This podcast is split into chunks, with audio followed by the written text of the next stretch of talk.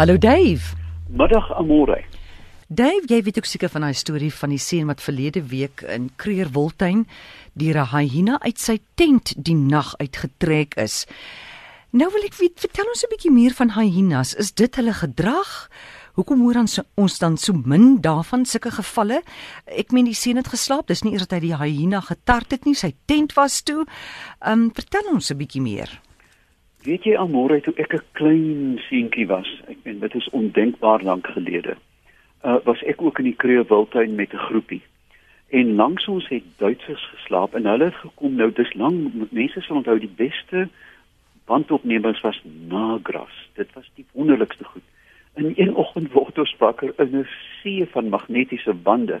Toe die hyenas al sy Nagra bandopnemers uh, aan flarde geruk. Hyenas is opportuniste. Met ander woorde, hulle is aktiewe jagters wat 'n uh, selfs 'n gesonde dier sal plattrek. Maar dan is hulle ook geneig om te gaan vir jong diere as daar um, 'n koei pas gekalf het, hulle dadelik die kalfie teiken. Derdens, hulle sal bykans enige iets eet: vrugte, plante, ou bene, vrotgoed.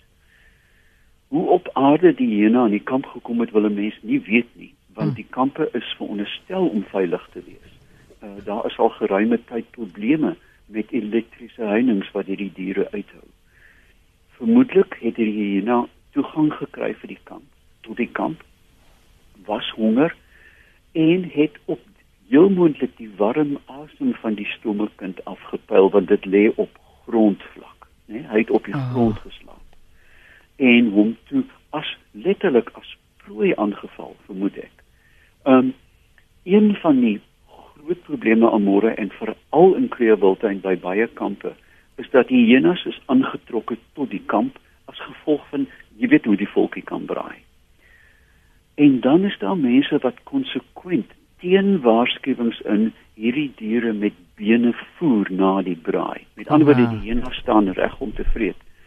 En ek vermoed dit is dis 'n artefak, dis 'n nagevolg van 'n gewoonte wat moontlik vermy kon geword het as mense diere nie sou voer nie. Ek hoop ek is verkeerd. Goed. Nou as jy sê voer, jy bedoel hulle gooi deur vir die uh, hyena op uh, been hulle gee. Sê nie vir my ek vat hierso fluffy. Nee. Hulle sê vat fluffy want dit is die wonderlikste foto as jy met jou bewerige leliewit hand teen die draad staan en hier is hierdie monster uh, wat dit uit jou hand uit neem. Oh, jy weet jy kan nie been Nee, ek het dit al persoonlik gesien, male sonder. Ja. Nou sien nou maar 'n hyena storm op jou af. Wat doen mens dan? Hulle is nie geneig om te storm nie. Ek weet nie, amore, hulle sou my met 'n tuinslang moet afspuit. Um en ek weet nie of ek heel eetbaar sal wees na die storm nie. Um meeste in meeste gevalle met met aggressiewe diere is dit as jy nie in 'n boom kan kom nie want hulle kan uiteraard nie boom klim nie. Um as jy nie flinkies in 'n boom kan kom nie, sal die beste wees om stil te staan. Um ek weet nie wat jou kanse is nie, maar as jy weghardloop, gaan hy jou van agterpak dis verseker. Goed. Dave, ehm um, die einde van jou sinne verdwyn. Kan ek net vra dat jy lekker heeltyd jou mond by die gehoorstuk hou? Jammer, dis heel moontlik my fout. Goed. Jonathan, goeiemôre. Uh, goeiemôre daar. Hubert? Hi. Hi. Ek wil met Dave praat. Ja. Ek is hier. Dankie. Praat maar. Uh, is hy by lyn? Hy's op die lyn, hy sê hy's daar. Ja. Hallo Dave. Middag. Wil jy ek wil graag weet wat veroorsaak dit? Sit 'n plastiek strooikie dwars op 'n rooi watlemoen op 'n watlemoen. Ja. Los die strooikie en hy draai self na die lengte toe kom ek het nie die Ek hoor nie. Ek het ek moet vir jou sê daar is um, ek het 'n wonderlike Ja, jy sit on dwars op die waterlemoen. Ja. ja. Los is rooitjie en hy draai hy draai in die lengte. Goed, Joubert, hoeveel keer het jy al dit gedoen? Gereeld. Goed. Ek sal dit eh, Joubert gee my toelaat om 'n waterlemoen te gaan koop en 'n strooitjie ergens op te tel en terugvoer vir jou te gee want ek het nog nooit eers daarvan gehoor nie. Nee, dit is eh, ek ek, ek, ek, ek doen dit al jare. Nee, ons ons glo jou. Ek glo. Hy sit hom dwars op die watermoen. Los is terug in die draai nie lengte. Hoekom doen hy dit? Dave, al maak jy net 'n antwoord op man. Ek meen dis nou nie dat dat dat, dat ons lewe gaan afhang hiervan nie. Dit het nie iets met gravitasie uit te waai nie. Ek Nee, weet dit nie. het Met, die oppervlakte spanning te doen. Kyk, ek kan so antwoord. Um Mencken, die groot Amerikaanse bitterbek, het altyd gesê dat vir elke komplekse probleem is daar 'n antwoord wat helder, eenvoudig en verkeerd is.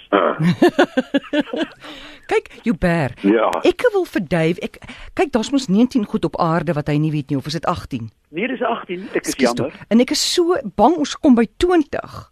Jy weet, Ah. daarom sê ek hy moet maar net enige iets sê. Ek meen dis nou nie dat ons nou nie gaan langer leef as ons nie hierdie antwoord ken nie, né? Nee? Ja, maar ek het mos nou gesê dat die antwoord heel moontlik verkeerd gaan wees en ek het 'n pragtige aanhaling gemaak. Ja. Môre is jy met niks tevrede. Ooh.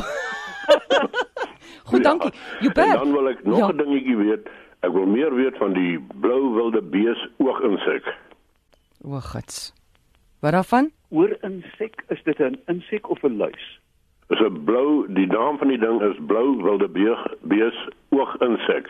Oog. Oeg, en sê ek, "Ah, ah, ah, ek is baie jammer, maar hier gaan jy my nie uitvang nie." Wat daarvan? Nee, ek wil meer weet daarvan. O, goed.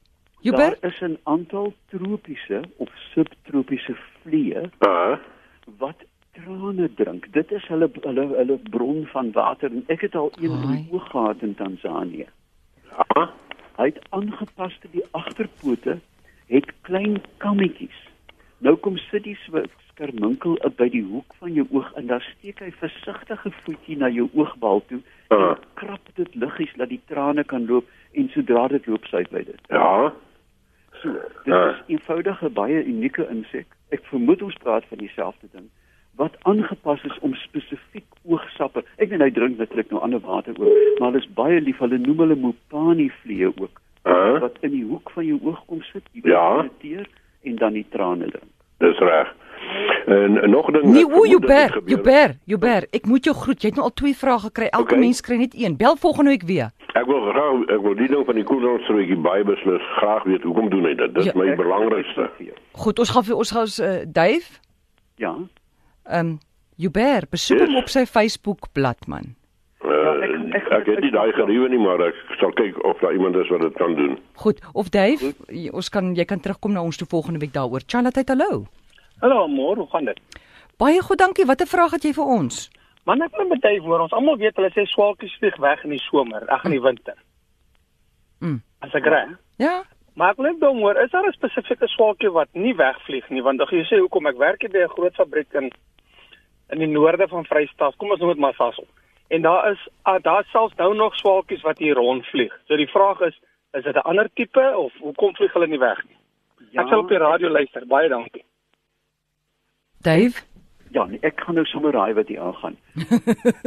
daar is 'n aantal swaalkies wat oor kontinente heen migreer. Jy weet die streepborswaalkie wat die mooi nesies op die stoep bou en so aan. Maar dan het ons natuurlik 'n aantal swaals wat hier bly, um, insluitend die windswaals, die palmswaals. Met omdat hy by 'n groot konstruksiemaatskappy werk, lei ek af dat dit die kraansswawel is, rock martin.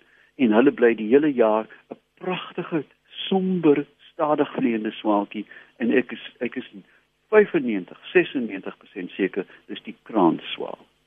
Goed, weer eens ons nommer 0891104553. Charlotte. Charlotte, goeiemôre. Goeiemiddag Amarai. Hi. Fanny Garner hier so siel op wiel. Ek wil net graag haar by Dave hoor man. By Wildernis, daar by die mond. Hulle bly die mond oopgerou. Sal dit nie beter gewees het as hulle die natuur so 'n bietjie aangehelp het en water van die see af in die vlei ingepomp het nie? Ek luister by die radio. Baie dankie. Fani bly daar, bly daar. Dave, wil jy 'n vraag vra? Ja nee, ek het nie ek het die vraag. Goed, dankie Fani. Totsiens. Okay, tot sien. Fani, jy sal weet dat ehm um, die hierdie probleem is spesifiek ernstig by groot strandmere soos St. Lucia waar ons weet dat die strandmeer soms vir letterlik jare aan een toe is. Die rede hiervoor is die onderskepping van water in die opvanggebiede. Dit is nie die meer se probleem nie, dit is ook nie die see se probleem nie.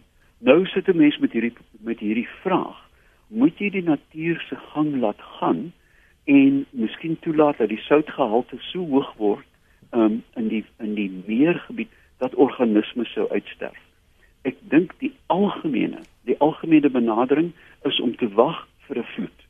Of dit nou 4 of 5 of 6 jaar neem.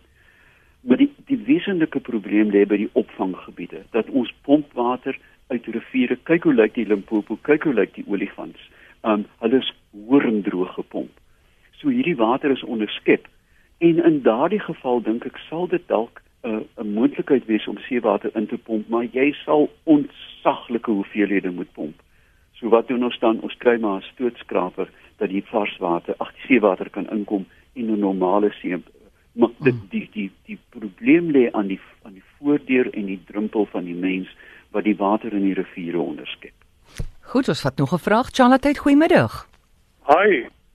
My naam is Frans Top. Ja, Ek wil net beduif hoor. praat maar. Ja, ek wil net beduif hoor. Um, ek het onlangs tot in Olifantshoek in Appington gereis.